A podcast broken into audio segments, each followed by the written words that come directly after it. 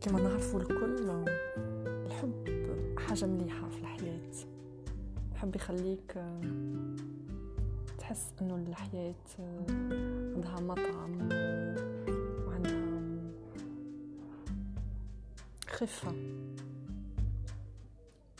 حتى مشاكلك في الدنيا في حياتك كيف يكون عندك حب سليم متوازن وعلاقة متزنة تخليك تشوف الحياة تافهة والصعوبات والعراقيل والمشاكل تافهين وكل وش يهمك هو أنك تكون مع الشخص اللي تحبه.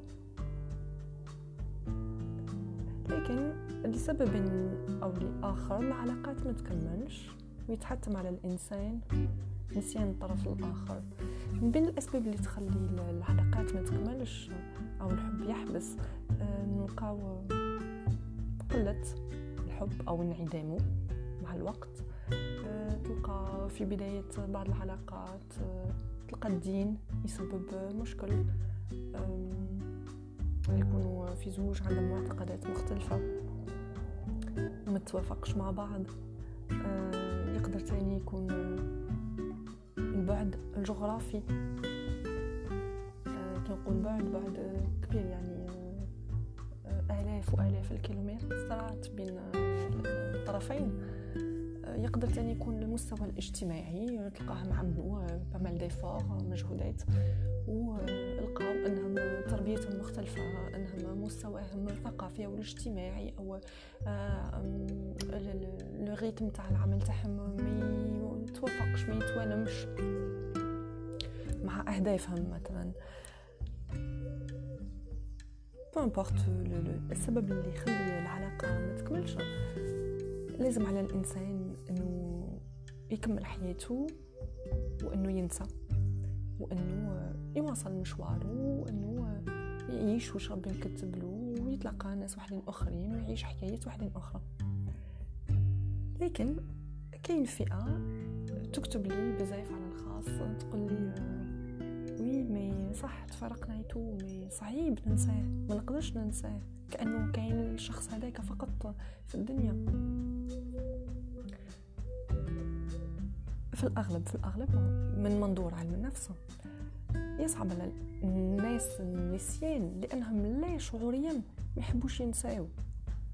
لأنه لا شعوريا عندهم واحد المعتقدات راسخة وعندهم واحد الأفكار c'est l'idéalisation كأنهم يحطوا الشخص هذاك فوق الفوق خلاص الفوق يشوفوه كأنه مثالي وأنه الحياة معه راح تكون مثالية. وهذا كامل هو اللاوعي هو اللي يغذي المعتقدات هذه والأفكار هذه والحالة هذه تاع عدم النسيان أو صعوبة النسيان. من خلال البودكاست هذا نمد أربع نقاط نصائح على السريع فقط. تساعد الإنسان أنه ينسى. وقال لك علاش سمي الإنسان بإنسان؟ قالوا لي مرة من كثرة النسيان. ما البيش على جاتني. جاتني ليدي هادي درك. من بين النصائح إذا تسمعوا واحد يشخر مشي أنا القط يشخر. القط يشخر بجانبي. يقولوا باللي طريقة من طرق تلعب الاكسسيون الأربع نصائح. الأولى أقطع كل اتصال مع الإنسان. هذا أقطع كل كل خبر عليه. أقطع كل باب أو نافذة تخلي تخلي أخبار وتجيك النقطة الثانية رمم مخزونك العاطفي. يعني حب نفسك بدل ما الحب هذاك تمدو للخارج. خليه يرجع ليك. حب من الداخل حب نفسك. اهتم بنفسك. النقطة الثالثة اشغل نفسك. اخرج تلقى أصدقائك. كونك مع العائلة. ما تنعزلش. أعمل لك حاجة جديدة. اقرأ كتابات. أعمل رياضة. النقطة الرابعة والأخرى ومهمة جدا. خلي الوقت يعمل عمله. الوقت.